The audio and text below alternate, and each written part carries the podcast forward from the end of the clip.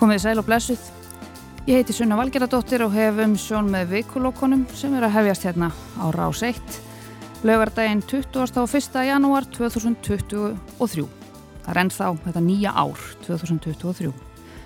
Við erum hérna samankomin í hljóðstofu 6 í Efstaleiti 1 í Reykjavík. Eins og venni er flesta laugadaga. Ég og Jóanna Vaska, tæknimaður og hingaður komnir fantagóðu gestir sem ætla að fara yfir að helsta með mér en með ákveðnum rauðum þræði þó. Það eru þau Þóra Tómasdóttir, fjölmjölakona og nýbökuð ný mamma, Davíð Þorláksson, lögfræðingur, sjálfstæðismadur og samgöngu séni og Þorstein Vaff Einarsson, kynjafræðingur og karlmennsku hlaðvarps maður. Verið velkomin. Takk fyrir. Takk fyrir. Við ætlum í dag að, að fara yfir stæstu fréttinnar og kannski líka þær sem að fóru ekkert svo rosalega hátt. Við ætlum að tala um læknadrama, kannski smávegis hriðjuverk. Við ætlum að tala um konur og karla, við ætlum að tala um byrtingarmyndir, kvenna í samfélaginu og fjölmiðlum, jafnbreyttismál og svo eitthvað fleira sem okkur týnist kannski til. En við ætlum náttúrulega að ég ætla að reyna að hafa balans í þessu svo það likur kannski beinast við að byrja á því að spyrja ykkur sáuði leikin í gæðir. Nei, ég svona bara fyldist með á betri lýsingu MBL en ég hafði ekki ég á hérna kolumbískan maka sem hefur sem finnst allt annað en fótbólti vera fáránlegar íþróttir þannig að það er mjög erfitt að fá að horfa á þetta en jú, ég fyldist svona með öðru ögunum Sýnir hann þessu ekki skilning? Nei, alls ekki Nei. Og hvernig, og hún, þannig að þú varst með beina textalýsingu Já, fyldist með svona MBL Og fegst ekki mikið feedback frá Var endar í, í næsta var, hérna, í næsta herbyggi var fjöldi fólks að fylgjast með þannig að maður heyrði mikil fagnarleiti framan af en svo datt allt nýrið dórlagn og svona já, já. sá maður í hvað stendur. Það er alltaf sama sagan. Þóra, horfðu þú á leikin? Já, já, mjög svart sín alveg frá upphafi Já finnst þessi svíjar bara mjög hérna, skuggalegir sko þegar þeir spila handbólta Þeir voru það, hann var svakalegur í markinu Svakalegur í markinu og, og hérna voru fleiri þarna sem ég hef ekki vilja mæta í húsasundi sko þannig að, já já, ég fyldist með og bara æsist öllu uppi við svona leikjum og hérna Það var kannski líka maður fór inn í þetta svart sín mm. en síðan kom þetta Já. svo var maður bjart sín og svo aftur. Þetta er eins og bara spenn, spennusaga eða bara kvikmynd þið veitir það, það, það var svo leiðinlegt að öðlast þess að von hann að rétt fyrir hálfleik. Þannig að já já það er bara alltaf gaman að svona íþróttalegjum sem eru með eitthvað alveg drama í sko. Þetta, þetta var alveg þetta var hérna, mér fannst þetta rosalega flottir íslensku leikmenn sko. Þorstin, hórið þú? Herru, ég er nú algjör anti-sportisti, ég horfi aldrei á íþróttir en það er eins og hérna, þjóðurnis uh, kendin kikki inn sko þegar handbólta, karlalandsliði handbólta er að keppa þá einhvern veginn, get ekki komist undan þessu sko og hérna ég var alveg sturglaður hérna heima. Þetta var hérna, þetta var mjög erfitt sko. Já. og það var rosalega erfitt að þú veist, ég, ég var svo reyður út í hennar markmann sko. Þetta var svo ósangjant og hann var svo eitthvað svakalegur hann að þegar hann var að tuskan til hana, hver var það sem að lendi í honum? Kann ekki einu svona nefninu Nei, nei, það var ekki. í mér, ég man sorry afsakið. Nei, nei, en það var skemmtileg sena þannig að myndi ég segja. Já, og eftir þetta var hann óþólandi sko. Af því að hann var svo mikill sko svona kalla kalla alltaf eitthvað svona oh, ég verði reyður að reyða upp. Það stóð sér vel. Það var heldur Og þú segir þú vorst styrlaður heima. Ertu svona öskraður og varstu með læti?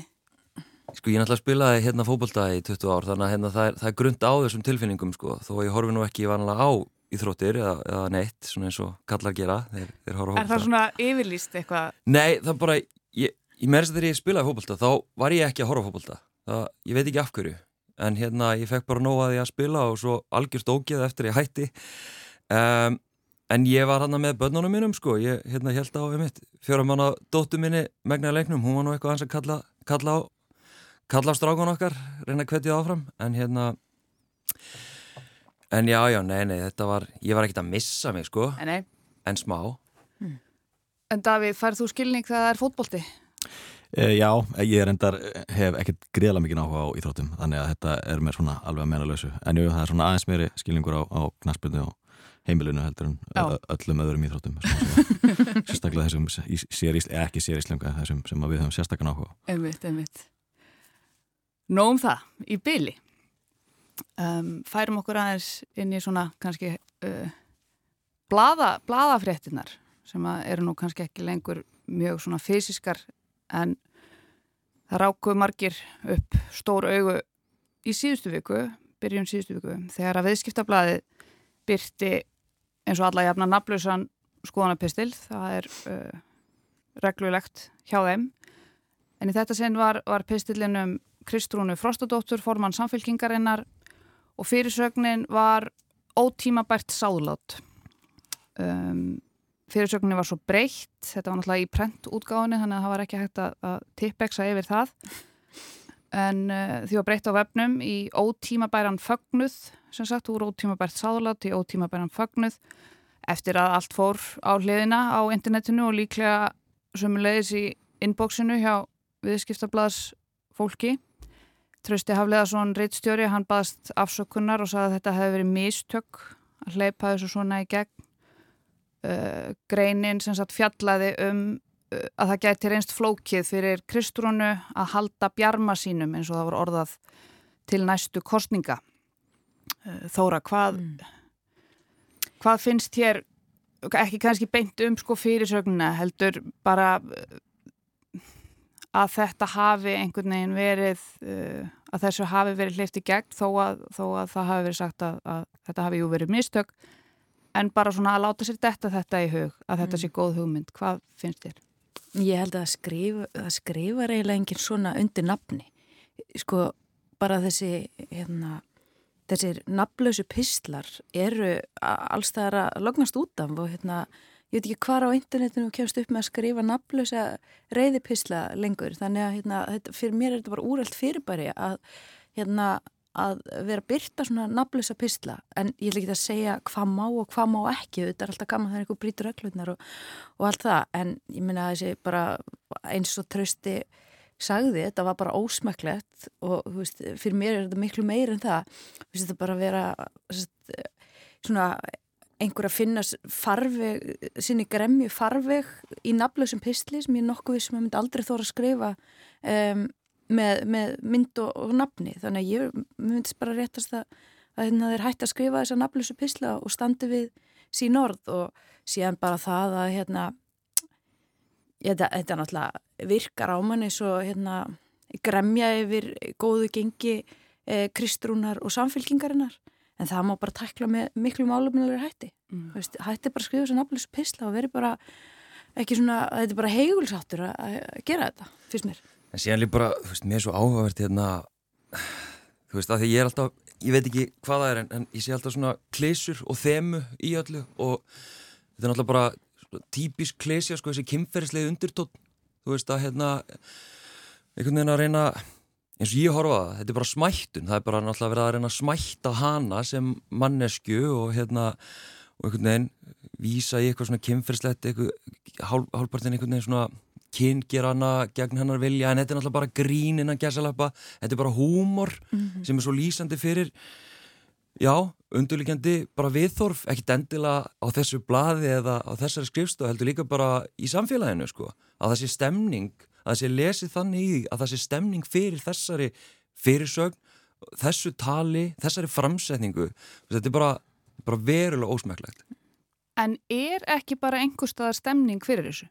Jú, og það er vandamáli og það náttúrulega er það sem við erum að kljást við. Mm. Veist, og höfum verið að kljást við í, í áratvíu og reynda að uppræta og reynda að benda á og þá er ég ekki að tala um við og ég, per se, ég er ekki að endilega leða það, bara konur almennt og hérna samfélagið í heilsinni gegn litlum fögnuðu kannski MeToo-byltingin er náttúrulega bara risastór mm. byltingamynda af því hvernig hefur reynda hérna, að uppræta svona viðþorf Davík, hvað hugsaði þú þegar þú sást þetta? Þetta var auðvarslega mjög ósmæklegt uh, svo ekki sem dýbra í árin tekið, en ég er hins vegar ekki alveg sammála þóru varandi þessi nafnlösu skrif, ég held að þau geti sko það þurft að fara vel með þau en ég held að þau geti alveg þjónarsynning tilgangi. Ef minn er til dæmis að segja eitthvað sem að hérna, margir er að hugsa en þú er ekki að segja upphátt eða þú er ekki að segja undir nafni á hérna óbyrju vettvangi líka til að draga aðdeilina að efninu fyrir eitthvað en hver er að skrifa efnið. Til dæmis ef að menn er að veita að það er auðvitað ekki við þessu tilviki það var ekki farið vel með þetta nafnleysi þarna.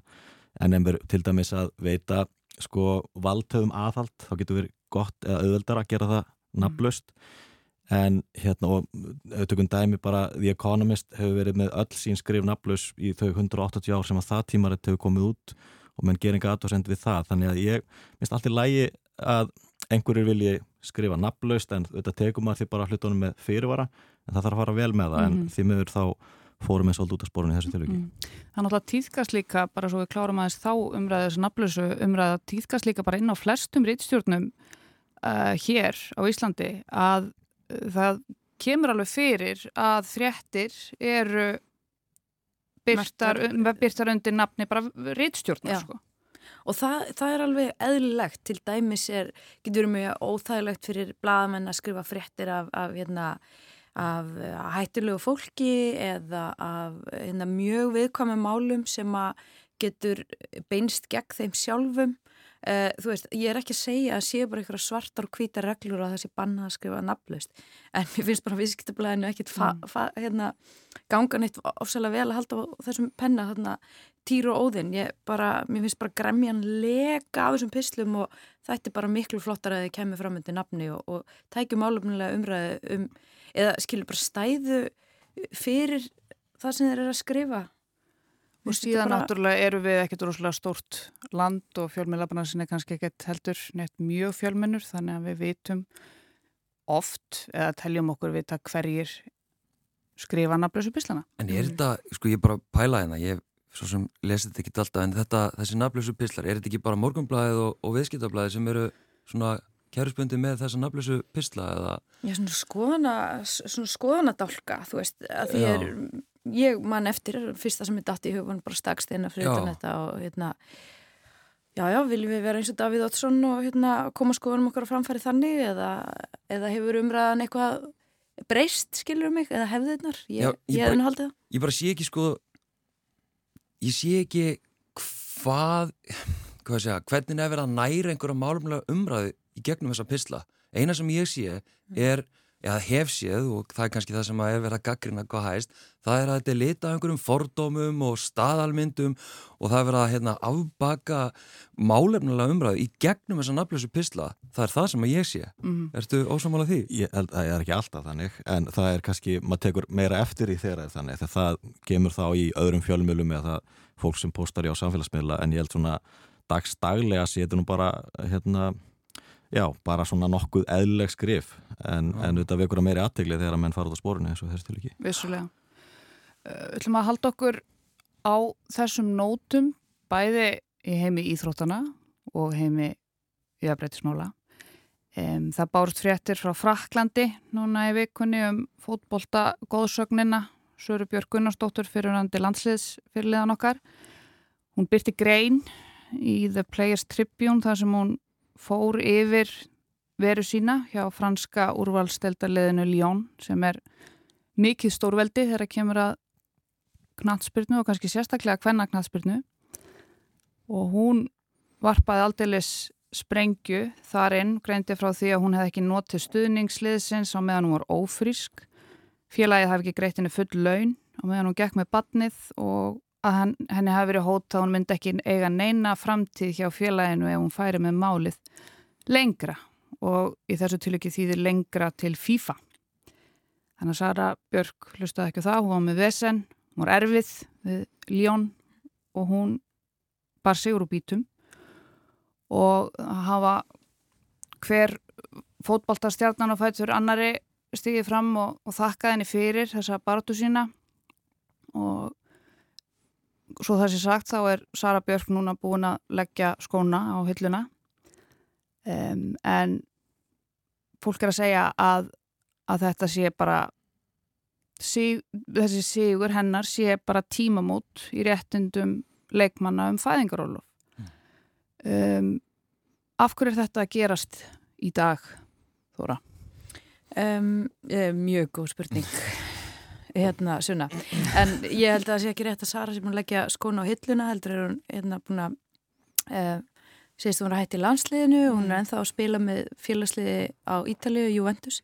En það skiptir ekki máli. Ég Jú, það skiptir máli. Já, það skiptir máli, já, hún er ekki hætt. Uh, Sara hefur auðvitslega verið nöðbeigð til þess að há þess að baróttu það, það var ekkit eins og hérna hún hafi tekið þennan slag bara að því að hann væri svo nöðsilegu fyrir alla konur í, í hérna, knaspinheiminum, hún bara lendir hérna í mjög erfiðum aðstæðum þar sem að liðið bara hættir samskiptu við hana af, af frásögnarnar í, í þessu, hérna, þessum miðli að dæma og greiðir henni bara ekki laun og, og hérna, hún fer til Íslands á, á maðgöngunni og, og bara heyrir ekkert frá sínu félagsliði og mér finnst sko þegar ég e, eitt var mjög sláðand að lesa lýsingar hennar að þessu, ég tala nú ekki um þegar maður er nýbúin að gangi í gegnum hérna, meðgöngu og, og barspurð og maður og ég var að viðkynna, þú veist, ég held að flesta konur séu mjög bara viðkvæmur í þessari stöðu. Bæði hvað var þar vinnustæðin, vinnustæðasamband og, og, og svo bara tilfinningarlega svona, uh, ég er alls ekki segja í ójabægi heldur bara viðkvæmari. Og ég bara fann til með henni að hafa þurft að standa í þessari baratu þannig ég er alveg vissum að hún hef ekkert haft gaman af þessu en fætirinn sem hún er þá tekur hún hennar slag og, og færa þarna um, stuðning og vinnur þetta mál. Og það sem að ég held að sé rúsalega gott er að þetta er fordæmisgefandi að sögn e, fleiri sérfræðinga í, í knastbyrneiminum og ég er nú ekki sérfræðingur í því en, Nei, ég held að ekkert okkar sé það, heyrist mér. Nei, nei. En, en hérna, það sem að mér langaði samt til að benda á er að þetta er, e, sko, það, það er annað mjög þekkt svona dæmi frá, fyrir nokkrum árum síðan þegar næk hætti stuðningi við svona helstu afreikskonur á, á hérna, frjálsýðróttasviðinu. Það er meðal sko bandarísku Alison Felix sem var einn bara hérna, e, mesti ofurhlaupari bandaríkjana fyrir og síðar og, og fleiri konur. Það var einn kona í mannikon heitir sem var hljóp komin áttamánuðuleið í keppni og, og svo kom á daginn eh, með hérna, afhjópunum eh, New York Times að ástæðan fyrir hún hljóp komin áttamánuðu leið var að Nike sem var hennar stuðin í sæðli hafði bara um leiðum varð ólétt dreyið hérna alla greiðslu tilbaka og, eða bara hætta borgarni og, og þetta var mjög hérna, stórt mál, mikið neykslismál og síðan hefur Nike reynd að bæta upp fyrir þetta þeir bara hérna, vildi ekkert stiðja afreiks íþróttafólk sem að, hérna, var að ganga með barn, fannst það bara ekkert fara saman. Og síðan hafa það reynd einhvern veginn að bergi brestina með því að hérna, nota óleittar konur í, í auglýsingaherrferðum og, og nota fyrirmyndir eins og Serena Williams og fleiri til þess að reyna að bæta upp fyrir skadan og vonandi bara hef, hafa þær hérna, gert betri samninga við hérna, íþjóttafólk en það er algjörlega nöðsilegt að tryggja eh, konum og bara fólki þar með fjölskyldum eh, hérna, eh, öryggi, starfsöryggi líka þegar það velur að verða mm. eh, hérna afriksýþróttfólk. Serena Williams hefur nú ákveðið að, að hætta vegna þess að hún vil einbeta sér að móður hlutverkinu mm. og hefur sagt líka að þetta væri ekki vandamáli og hún væri karl. Mm. Það er náttúrulega eðlilega. Við erum ekki að, að, að segja að þetta séu þetta sambarilegt. Ég menna konur þær ganga með börnin vissulega þannig að það er það eru auðvitað öðruvísi en það verðist líka að vera þannig að það sé komið öðruvísi fram við konur en karla víða. Og því tengdu uh, ef við hoppum aðeins hinum einn á nöttin uh, þá komu fréttir frá Nýjasjálandi í vikunni þar sem að fórsættisráðurann þar Jacinda Arden helt blagamannafund og sagði af sér mjög óvænt. Það var reyndar á svona pólitískum fundi Um, þetta kom öllum á óvart, fréttamönnum og, og stjórnmálamönnum, jamt. Uh, hún held þar mjög tilfinninga þrungna ræðu, þar sem hún sagði að tankurinn væri tómur, hún gæti ekki meir, hún er formaður verkamannaflokksins í Nýjasjálflandi og árið 2017 var hún yngsti kvennkjens fórsættisráþurann í sögu Nýjasjálflands og hún fekk ærin verkefni á þessum fimm árum í, í stóli. Hann var, var framinn hræðileg hriðverka árást, þá voru náttúrahamferir og svo náttúrulega heimsvaraldurinn um, þannig að auðvitað hefur þetta tekið á. En þegar hún saði af sér þá byrtust yfirlýsingar, auðvitað stuðningsyfirlýsingar og líka einhverjar gaggrínisrættir vissulega, hún var að dala í könnunum og svona. En, en það voru svolítið háværa rættir um að, að hún er þið hvorki fyrstan ég síðasta konan sem neyðist til þess að hæja á sér í miðjum ferli og endur með þetta stöðu sína. Og Lína Þorvaradóttir til dæmis hún skrifaði á Facebook að, að það eru bæði félagslegar og menningarlegar ástæður sem liggja á baki því að konum er mun hættara við ótímabæri kulnun í starfi en körlum það sé einfallega komið öðruvísi fram við þær. Davíð, hvað hugsaðir þú þegar að Jacinda Ardern sagði að hún gæti bara ekki meir? Uh, já, ég hugsaði það að hún varð með, við þetta einhvern veginn í dýrlingatölu hjá vinstrumönum út um allan heim og ég veltiði fyrir mér hvort að það sé uh, algjörlega veðskulda. Hún, uh, þú nefndir að hún hefði dalað í konunum mm -hmm. það er nú meira en það, hún hefur aldrei verið ofinsætli ekki sem hún byrjaði, verkanflokkurinn hefur aldrei uh, mælst minni. Uh, hún tapaði raunar þessum kostningu 2017 en, en náði meirluta með mjög umdeldum hætti með að gera að aðstofa fórstis á þeirra uh, þjóðarni sinna sem að, sem að lítur á Trump sem, sem leðtóa lífsins. Um Eh, hún fór í gríðarlega að þau fór í gríðarlega harðar aðgerir uh, gagvart COVID.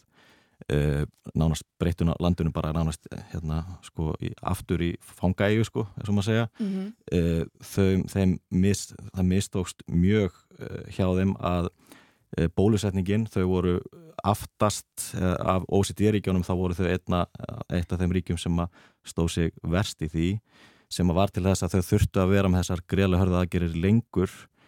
Þannig að mér finnst sko, Þannig hún er bara kannski ekki búin að standa þessu neitt Jú, hún hefur staðið sig mjög vel á mörgu leiti en það eru tíu mánuðir næstu kostningar e, þannig að e, þetta er bara held, hún er bara mjög klókur pólitíkus og ég held að það sé bara hárétt ákvörðun hjá henni því að hún er að hætta með reist í raun bara held ég ef að var í kosið í dag þá myndi hún algjör tapa þessum kostningum þannig að ég held að það er bara mjög klókt hjá henni að, að hætta og ég held að það bara sé að sína mikil klókindi, hætta með reist, leifa einhverjum nýjum að koma stað og, og hérna sanna sig fram á kostningum og vonandi eh, hérna, ja, fyrir verkefnaflokkin, ekki það að ég sé eitthvað sérstaklega stundismæður verkefnaflokksins í Nýja Sjálandi en vonandi fyrir þau þá, þá tekst það.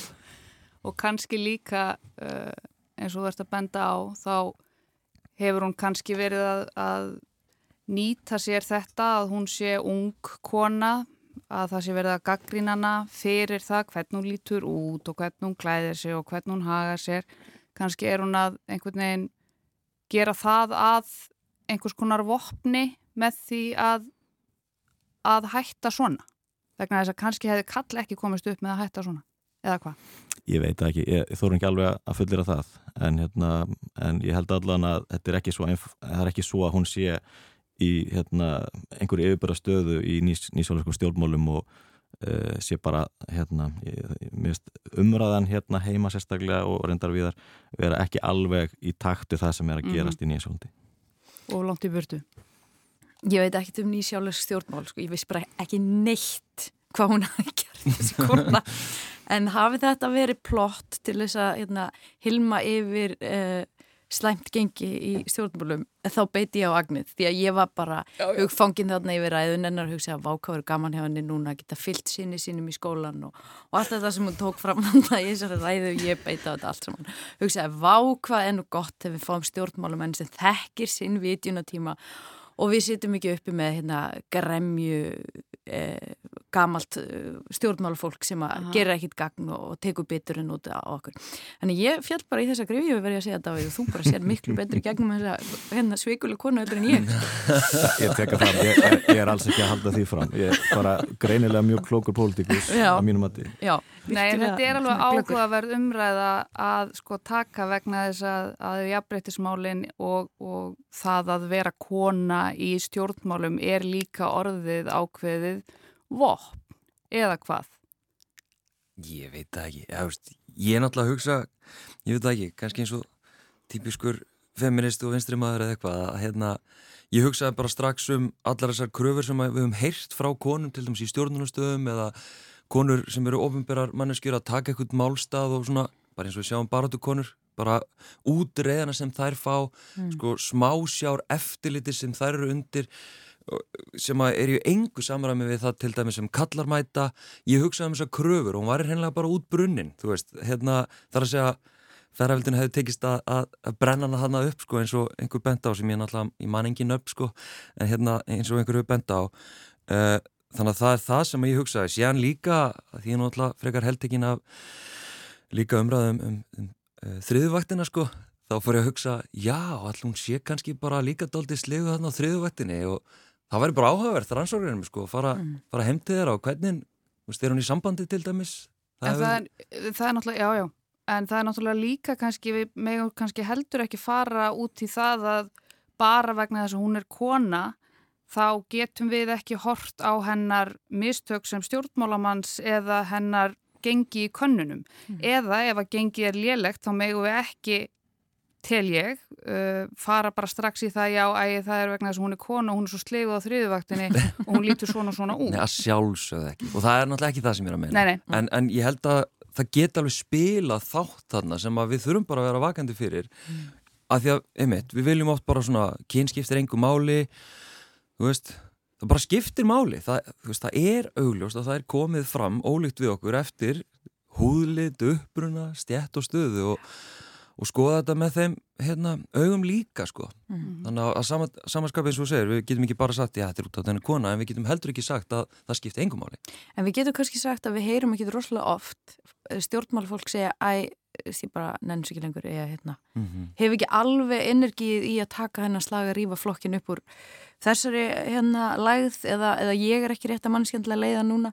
Ég minna auðvitað er bara Lógi Már Einarsson sagði næstu því það. Já, já, ok, já, það er enda rétt. En hérna, mér finnst það ekki vera svona eitthvað sem að maður sér oft, skiljið mig. Þetta er einhvern veginn, mér finnst oft fólk vera bara, þú veist, þetta er hörð samkeppni og, og hérna, vinselda keppni líka og um, það var eitt af því sem ég hérna, nævist inn á kantinum vitandi ekkert um Nýja Sjálfland eh, tók út úr þessu og tólkaði að mm. hérna mér þetta er bara hræsilegt er að fólki leifir sér að sína svona örlittla innan mannlega hliðar, skilur mig?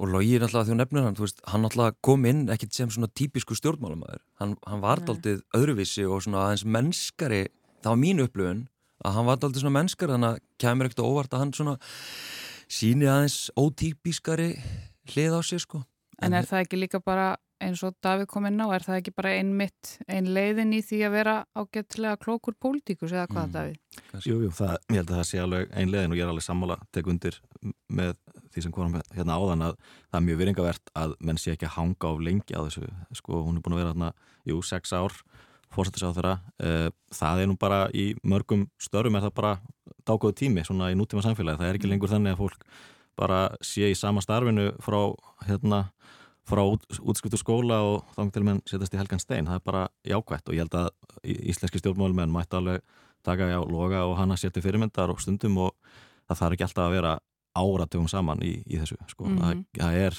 menn það er engin ómissandi í þessu.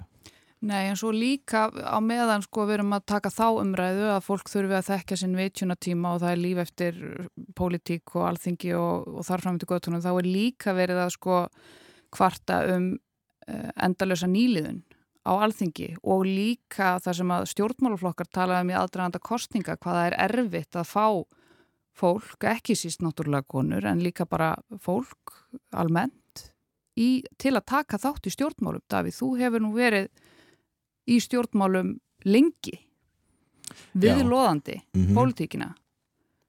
Þa, það er alveg rétt. Ég hef hérna ég hef ekki tölu á því hversu oft maður hefur verið því að hvetja fólk til að fara, bjóða sér fram, fara í stjórnmál uh, konur og kalla og það er mjög erfitt að fá hæft fólk í þetta, það er bara verið að segja stóri, það er þetta dæmi um það við erum með fullt að hæfu stjórnmálfólki við erum líka með stjórnmálfólk sem að kannski á ekkert erindi í stjórnmál mm. Uh, örgulega mismöndi skonar því hvað fólk það er en það er mjög erfitt og það er sérstaklega erfitt uh, að erfiðara að fá konur í þetta, það er alveg held ég augljóst. Mm. þannig að ég veit ekki hvað það er. Þetta er auðvitað ekkert sko þetta er ekkert spennandi starfsvetangur það er eiginlega, og mann finnst kannski eiginlega eh, sveitastundumálin allavega hér í borginni, jafnvel verri hvað þetta var, það er meiri það er svona, þetta er ekki mjög spennandi starfsvetangur, ég skil fólk vel sem að mm. er ekki spennt fyrir þessu, það er rosa mikill skotgraf hernaður og það er mjög mikið farið í, í hérna mannin manni en ekki boltan, Mhm. er það ekki einhver Jú, það er, við skulum halda okkur á, á okkur þeim við okkar sérsvið. Já, það hefur, og er kannski eftir hrun hefur þetta svona, finnst mann þetta hafa fæst í aukana, þetta er verra, það er ekki sama svona, sama reist yfir stjórnmálarum eins og manni kannski fannst að vera áður. Nei, Ég veit ekki hvernig það hægt að laga þetta, ég er ekki með neina töfralesna því, sko. en þú nefnir þarna sérstaklega borgarmálin og þetta er, held ég bara þarna hefur hitt svolítið naglan á höfuði það er mjög áhugavert að sjá sko hvað personurnar sem að eru í sveitustjórnapólitíkinni uh, sérstaklega í, í Reykjavík, hvað þær einhvern veginn verða alltaf holdgerfingur snjóskaplana eða leikskólamálana eða þú veist, það, það, er meira personurnar heldur en málefnin út í að þetta er náttúrulega nær fólkinu, þú veist, við þurfum að labbi við snjóskaplana þegar við þurfum að fara með börnin okkar í vinnun og við komum þeim ekki á leikskóla, Mm. eitthvað en það er, það er einhvern veginn minna um þessa, þessa svakalegu personu gerfingu inn á inn á alþingi, hvað finnst þér? Já, ég bara held sér sammála því. Ég veit ekki hvað veldur því. Kannski er það vegna þess að því minni og einfaldar sem málin eru eða því nærðir sem þau eru því einhvern veginn sterkari skoðanir verist fólk hafa á þeim. Til dæmis hérna, fannst mér alltaf svolítið áhugart einhver bæntir á hérna, braggamálið sem var náttúrulega með, með hérna, miljón krónu stráanum og það allt saman var náttúrulega ákveðið neykslismál og er ekkert að gera lít úr því. En þar voru upphæðinir einhvern veginn eitthvað sem við skildum og sama tíma og þú veist það voru held ég ykkur 600 miljón krónu skandal en, en hérna svo þú veist voru skandalar innan úr bankakerfinu upp á marga miljardar sem var bara miklu erfið að skilja og miklu þú veist bara eins og þetta íbúðalána sjóðsmál þetta er bara gerðsvonlega óskiljanlegt mál í raun og veru, bara hvernig íbúðalána sjóður fer bara eitthvað feisplantar á einhverjum tímum sko og hérna fólk sem er ekki með hagfræðamentun er bara eitthvað að byrja, já, næs ekki alveg. En það, það er erfiðara að skilja þú veist, eh, þessi svona stóru mál sem stundum eru þá umfjöldunarefni á alþingi en þau sem eru næriðir, sem eru skablarnir í götuninni er eitthvað sem þú getur hérna sparkaði og svona eh, blótað og mér hefur til dæmis fundist um, mjög undarlegt hvað eh, Dagur B. Eggersson og þetta hefur ekkert með skoðun mína á stjórnmálu eða sína stjórnmáluskoðanir að gera mér finnst svolítið sérstakt hvað Dagur B. Eggersson virðist vera mikill skotspotn, segir maður það ekki Mhm. eh, og hva- hvað fólk bara almennt talar eh, sem er ósamálanum, hvað, hvað leifir sér að ganga langt í gaggrinni á hann sko.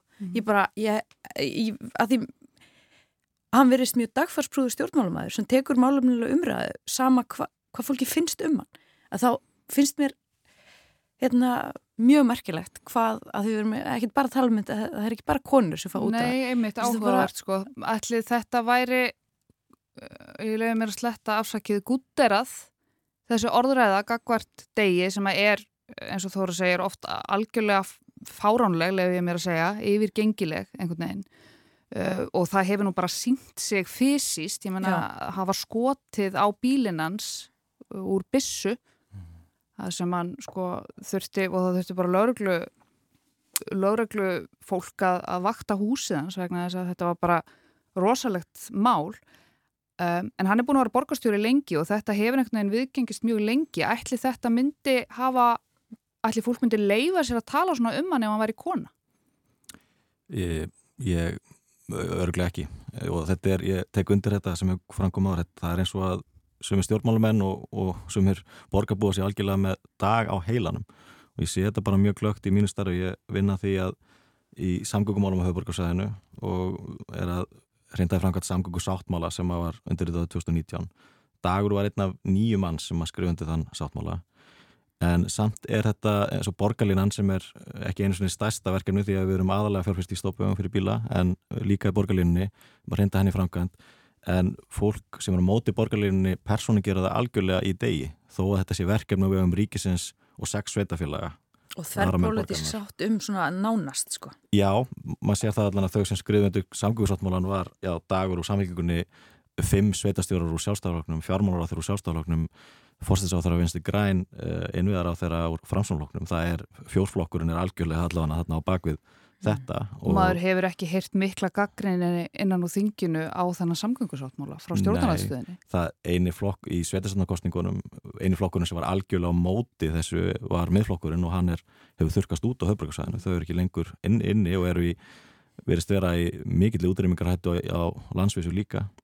Þannig að þetta er allt persónigert í degi og þegar maður hittir fólk sem er mjög á móti þessu þá einhvern veginn er, er maður sagt að maður sé einhvern svona leppur dags sko, þó að ég hef aldrei nokkur til mann gósið hann og, og hérna ber við einhver fyrir hans stjórnmálumanni eh, en þetta er svolítið skrítið mm. hvernig hann, það, það er kannski bara að hann er stór stjórnmálumadur hann, það, það er uh, kannski, ég veit ekki hvort hann verið glað með að ég sé bera saman við Davíð Ótsson en kannski að því leti er þið svipaðir að annarkort elskar fólk þá eða, eða hattar þá, mm. það er einhvern veginn engin millivögur sko Hann er líka farmaður á tilfinninguna, náttúrulega eins og Davíð, hugsar uh, svona, fram í tíman mm -hmm.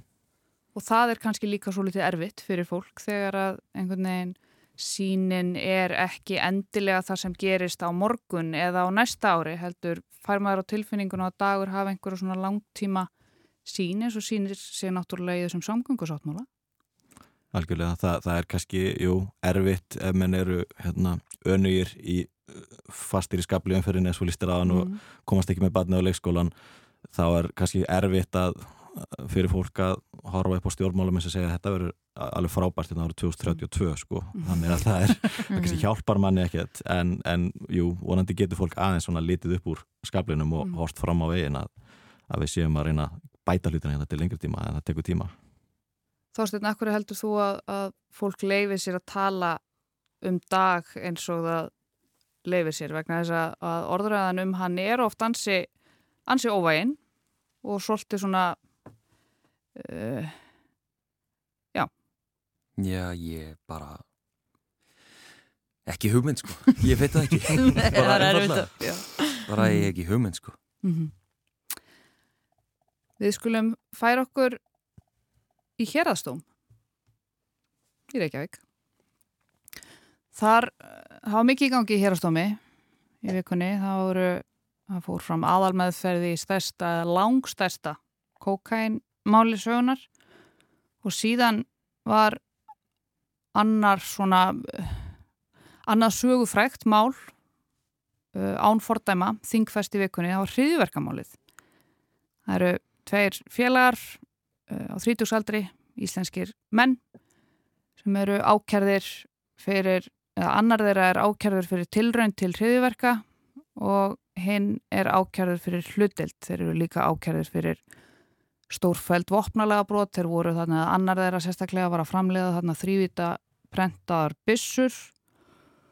Og eftir að lauraglan komst yfir síma annars þeirra þá kom nú margt mis skemmtilegt í ljós. Þeir höfðu þarna verið að, að ræða um að myrða mann og annan og um, gera dróna árásir um, ráðast inn á ársáttíð lögreglumanna og keira með trukk inn í gleðigönguna. Um, Þóra, hvað hugsaðir þú þegar að, þegar að þessar fréttir byrjuðu svona smám saman að mjalla inn? Hvernig var þér um?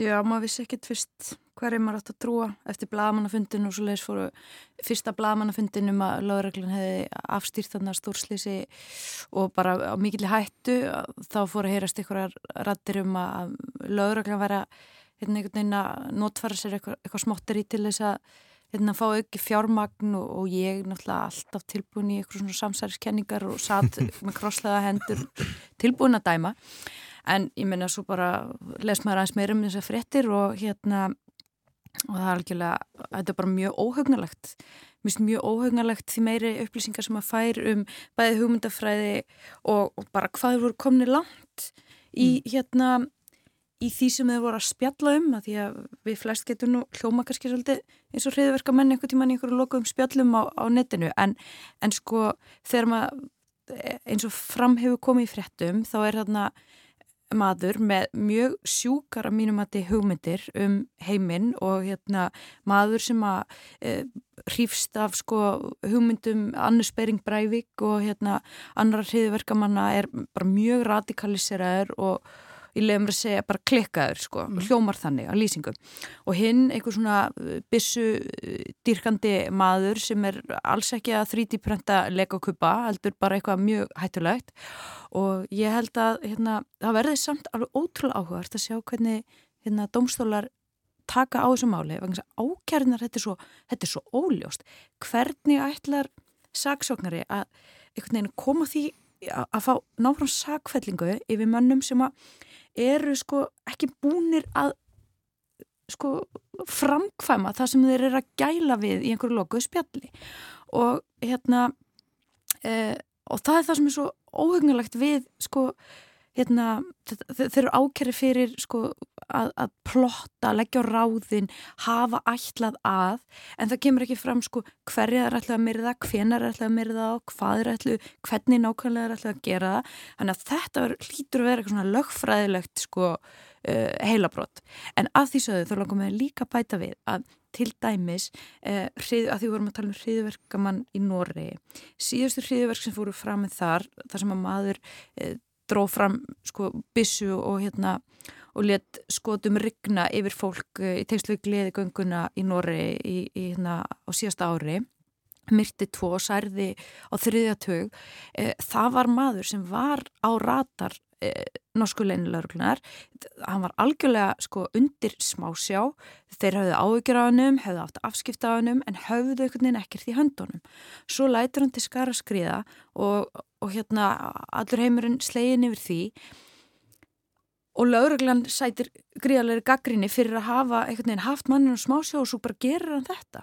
E, þú veist og það er ákveðið dilemma þarna í þessu hriðverkamáli þeir eru ekki búinir að framkama neitt af þessum hérna, fyrirætlum sínum og það er ómögulegt að vita hversu líklegir þeir eru til þess. Um, þannig að, já, lagfræðilega finnst mér þetta bara ótrúlega hérna, flókið en og ég held alveg að það sé nöðsilegt að lauruglan fái úrræði til þess að kljástu svona flókinmál um, já, og bara mér finnst þetta óhugnalegt Davíð Já, ég tek undir eða allt sem að Þóra segir. Þetta er þannig verið að dómarinn eh, tekur til skoðunar hvort það er að vísa frá þessa hriðiverka þætti málsins. Mm -hmm. Vegna þess að ákjæran er svo óljós. Já, og því að eh, sko, eins og Þóra segir, þeir voru ekki að byrja að reyna að gera neitt, þeir voru bara að tala um að gera eitthvað. Jú, vissulega með tala sem ekki magna af vopnum eða allan annar þeirra, en það er ákjært sérstaklega fyrir það og ég held að það sé nú alveg hljóta á róndi eða lítur út fyrir þeir eru búin að játa það, búin að játa það mm. þannig að það likur fyrir en það að tala um eitthvað að ætla sér að gera eitthvað er ekki endilega uh, lögbrott, þetta er svona fyrir nánast að hljóma eins og hérna bara bíómyndin hérna Minority Report með to mm. Tom Cruise frá 2002 mm. þar sem að hann var löglumar að handtaka fólk fyrir að uh, áður en það fremd, fremdi afbrótt með eitthvað svona gerfigreint sem fann út úr því hvenar fólk ætlaði að sér að fara að fremja afbrótt mm. Uh, ég, mér, kannski er eitthvað ekki komið fram í fjölmjölum en mér finnst þetta svolítið ennþá mjög óljóst og uh, ég held að það væri mjög erfitt fyrir, fyrir ákjörvaldi að sanna það að þeir hafi ætlað sér að gera þetta.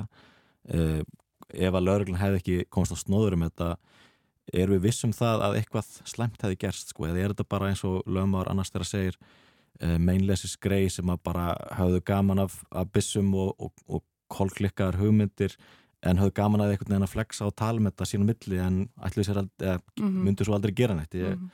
það þarf að vera hægt að sína fram á það að þeir hafi ætlað sér að gera eitthvað til þess að, að, sé hérna dæmt í þessu og, ma og maður sé það líka á því að, að domstólar hafa eh, ekki samþeitt kröfur um áframhaldandi gæsluvaraldi yfir þeim þannig að eh, og það er hérna matgeðlæknis sem að telur þá ekki hættulega sér eða öðrum. Auðvitað er það sko ekki þannig að og það er sérstaklega sem að sé þá umræði bandaríkjónum það sem hefur verið að þetta, nánast daglegt brauð skotar á sér.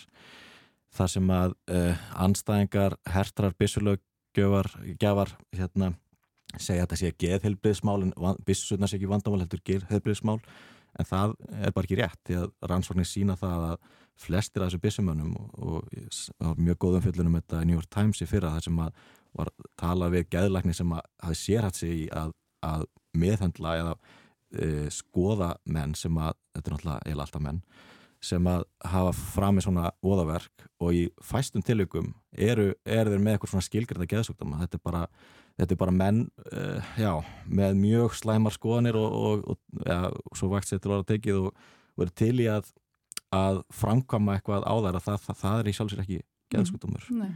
þannig að já, það, það er kannski líka það sem að uh, umræðan fer oft út í ef að, ef að fólk er og við bara tónum okkur aðeins niður sko, þú veist ef við förum úr hriðiverkum bara yfir í bara pólitíska skoðanir sko, ef við tökum til dæmis bara það sem að var mjög mikið, mikið sjóðandi heit kartabla hérna fyrir allt og stuttur síðan bólusetningarnar.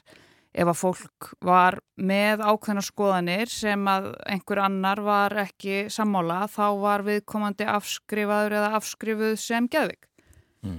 Hún er nú bara veik, hún er nú greinilega bara veik, hann er nú mm. greinilega bara veikur. Þannig að þessi polarisering í skoðunum er kannski, við kannski grípum aðeins of oft í, í þetta spil, fyrst að þessi manneski er ekki sammála mér, þá hlýtur hún bara að vera veik og geði. Já, og þar með einhvern veginn ómarktæk sem er náttúrulega lýsandi já. fyrir sko gildismötu okkar og fordóma fyrir hérna, já, ég var að segja fólki sem glými við geraskarnir mm. annað, en sko með þetta hriðverkamál, mér langar líka, auðvitað er það alvarlegt og ég er ekki lögfræðingur, ég skil ekki þú veist, allar þessar flækjur og tæknilu eitthvað, akkur þetta og hitt og svona en mér langar bara, ég er raunin að taka undir það sem að, já, ég var að segja var bara að ljósa það sem að, að draga fram það sem að Sema Erla hefur meðal annars verið að setja í samhengi, að þetta er ekkit samhengislaust, þetta ásver aðdraðanda það að við séum í þeirri stöð að veltaði fyrir okkur hvort að þarna hafi verið raunveruleg hriðverk til staðar að ekki. Ég meina þetta mál er ekkit upp á og endir, að segja, þeirrar mögulegar ógnar. Við erum að glýma við og höfum verið að glýma við mörg ár uh, einhvern veginn svona aukna útlendinga anduð, einmitt ótrúlega svona bara, komar að segja já, bara anduð gagvart oft minnilutahópum eða þeim sem eru í aðarsett og við erum að sjá fólk einhvern veginn bara allt í nú tilbúið til þess að segja hluti sem að það var einhver svona konsensus, svo í sletti uh, um að svona bara segja maður ekki. Mm. Þú veist, þetta er bara meðandi þetta er bara hatusfullt og, og eitthvað svona. Við erum einhvern veginn að sjá þetta koma upp á yfirborðið og þannig ég held að við þurfum einhvern veginn að ná uppræta bara mjög markvist uh, það að þetta við þorfa að grassirast hjá einhverjum einstaklingum uh, af því að annars bara annars munum við sjá eitthvað alvarlegt. Það er líka áhugavert kannski að sko á sama tíma og við uh, og fræðslæður aukinn og einhvern veginn samfélagi verður opnara þá kemur bakslæði eins og í réttinda baróttu hins einn mm -hmm. fólks og eins og Þóra var að benda á þú veist bara í Noregi þar sem að eru náttúrulega ræðileg fordæmi fyrir sko en svo bara allt í einu erum við komin hingað með tvo menn sem eru bara vennilegir menn sem eiga manifesto Breivik heima hjá sér og er að skrifa sér, er að skrifa sér degið. Hmm. Ég meina, sko, þegar við sjáum radikalisera fólk sem eru bara til skilgreiningar á að þá hérna finnst mér að það ber að fylgjast bara vel með því. Og þegar lauruglan hefur komist á snóður um svona e, þessa hérna, þessa draumóra nazistans í þessu máli og félagans að þá held ég að að við þurfum að hafa einhvers konar sívöktunar úrraði. Ég veit ekki hvers eðlis það ætti að vera en það er stundum talað um að það þurfa sko rafbissuvæða laurugluflótan. Ég er ekki alveg sem að það nái að spórna við þessari svakalegu ógn. Ég held að, hérna, að við þurfum einhvern veginn að výbúast með, með öðrum hætti til þess að ná að stöðva svona hérna, fólk sem hefur komist á ratar uh, yfirvalda fyrir svona svakalegar hugmyndir og, og gælir við að ógna öryggi bara þjóðarinnar. Þetta er ótrúlega óhugnulegt og við, hérna, við sáum það líka í lífslaupi Annars Bering Breivik hvað svona hægt og rólega þessar hugmyndir gerjuðust lengi og svo letandi skarast skriða og hérna og mér finnst bara að hérna, það ætti umræðan frekar að vera. Hvernig get, hvaða úrræði duga til þess að þeir eru svona uh, sportna við mm. að svona brot geti hérna, verið framinn og hvað er þetta að gera með menn sem hafa kannski ekki frami brot en eru bara rúslega líklegir til þess?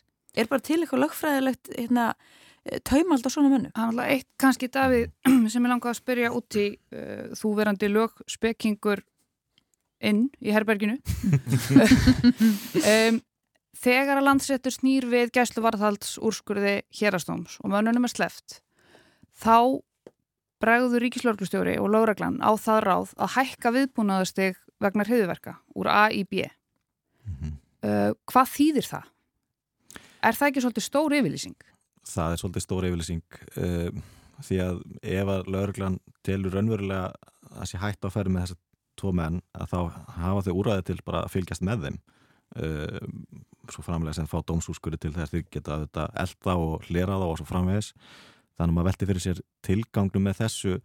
Sko ég vona það sé ekki þannig að, að lögurglann sé einhvern veginn að hafi átt að segja á því að hún hafi reitt of hátt til högs með þessum blamanafendi sínum og sé einhvern veginn núna að reyna að, að kofera á sér afturrendan eða mm -hmm. hérna, með þessu, ég vona að það sé ekki þannig. En, en varandi þessa, jú réttindabaratu hins eginn fólks og svo framvegs, maður óttast það svolítið að við séum núna einhverjum pendúl sem er að fara í mjög, ekki í rétta átt hvað þetta varðar. Við, við höfum séð það í bandaríkjónum hvernig er réttindi svertingja mikil hérna, auksu mikið, það var mikil framför á sjönda áratögnum mm. svo kom bakslag, það var líka ák, ákveðin framför þegar á, ég fórst þetta tíð Obama, en núna er komið bakslag og það er líka að gerast með hins einn fólk í bandaríkjónum, það er verið að henda, er verið að banna bækur í í skólum í bandaríkjónum þar sem að hins eginn fólk er nefnt þar sem það kemur fyrir.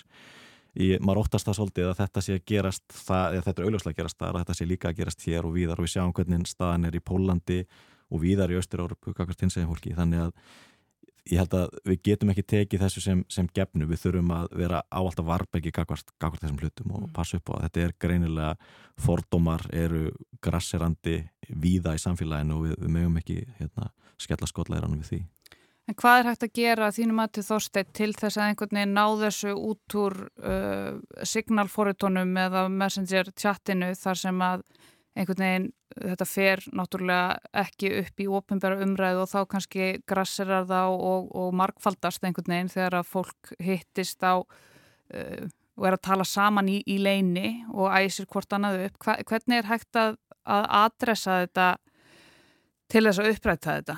Mm vegna þess að það er búið einhvern veginn með grunnar að þú segir aukinn fræðsla Já, meðal annars, en líka bara að, að taka hart á þessu uh, að því að sko þegar að til dæmis fólk bendir á að þetta er hattusordur að þetta hérna, er óviðegandi eitthvað að þá bregst fólk oft við, þetta er bara mín skoðun, er ekki málfrelsi hérna, að hérna bara svara þessu með rökum. Þetta er hættulegt, þetta getur átt alveglegar afleðingar, en síðan alltaf höfu líka bara rannsóknir eins og á hérna veist, þú veist þegar við fáum svona augahyggju upp ég menna til dæmis að því ég nef, nefndi Semu, ég menna Sema hefur að rannsaka hvernig þetta gerist, hvernig til dæmis ungir kallmenn sem eru einangraðir eða upplifa þessu útskúfaða, hvernig þetta hvernig þetta er ferli sem á sér stað. Þannig að við eigum rannsóknir þar sem við getum gripið meðal annars ungt fólk snemma, við sjáum að það er eitthvað að gerast. Mm. uh, og grípa inn í mjög snemma, þannig að ég veit ekki hvort það sé einhvers konar skimun eins og mögulega var stúan efna aðan Þóra. Nei, ég held ekki skimun, ég, ég er algjörlega úræðileg skafist þessu, ég veit ekkit hvað er hægt að gera. En við eigum rannsóknir og hérna mm. við þurfum að taka þessu alvarlega og við þurfum líka bara átt okkur á því hvað er að næra þetta hattur mm. og það er klárlega orðraða til dæmis málsmetandi fólks eða málsmetandi manna. Mm. það er orðraða politikusa veist, það er þessi populismi og, og við þurfum bara að mæta því markvist og með, með hörðu ekkert neginn Já, frústrera fylgið er bara hættulegt held ég, ég held að hérna, frústrera fólk er hérna, líklæra til að, hérna, að eh, radikaliserast og hérna, aðhyllast mjög, kannski við, hættulega hugmyndafræði. Og ég held að, að frústrerað fólk er, það býr við einhvers konar erfileika og, og kannski með því að, að hérna, tyggja aukuna, auk, aukna velferði í samfélaginu að þá er fólk minna frústrerað og, hérna, og hefur kannski minni ástæði til þess að hata og, hérna, mm. og drepa á allt það. Mm. Þorstuð, hvað ætlað þú að gera um helgina til þess að minga frústreringuna þína?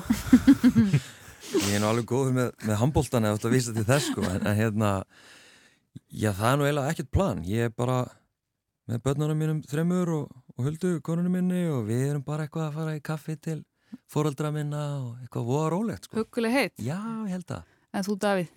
Bara, ég ætla ekki að gera neitt. Það er svo leiðis? Já, já, bara núna hátegismatu núna eftir en annars bara ætla ég að gera sem allra minnst þessa helgina. Ok. Þóra, hvað ætlað þú að gera um helgina? Ég ætla að spila póker Já, eh, ég... sem ég hef aldrei gert það öður og losa vantarlega um þá einhverja svona áættu hegðun eh, og, og svo ætla ég að svona jafna það út með því að knúsa þetta dásanlega batt sem ég var eignast og, og hérna, já, framleiða einhver gleði hormón með það í fanginu. Það er svona mín helstu plönum helgina. Gangið vel í pókarnum. Þetta er fyrsta, fyrsti pókarleikur Já, ertu með einhver tryggs eða svona einhver ráð? Já, þetta er eins og Jatsi, Já, nema bara betra. ok. Ég ætla allan að leggja mikið undir, þannig að spennt. Það er smá kallmennska í þessu. Já. Fjárhóttuspil og Já, eitthvað svona. Já. Hún jafnar þetta út með badnið á, Já. á handlegnum og meðan hún fyrir ólinn. Það er komið að lokum í vikulokunum hér í dag, lögadaginn 21. janúar.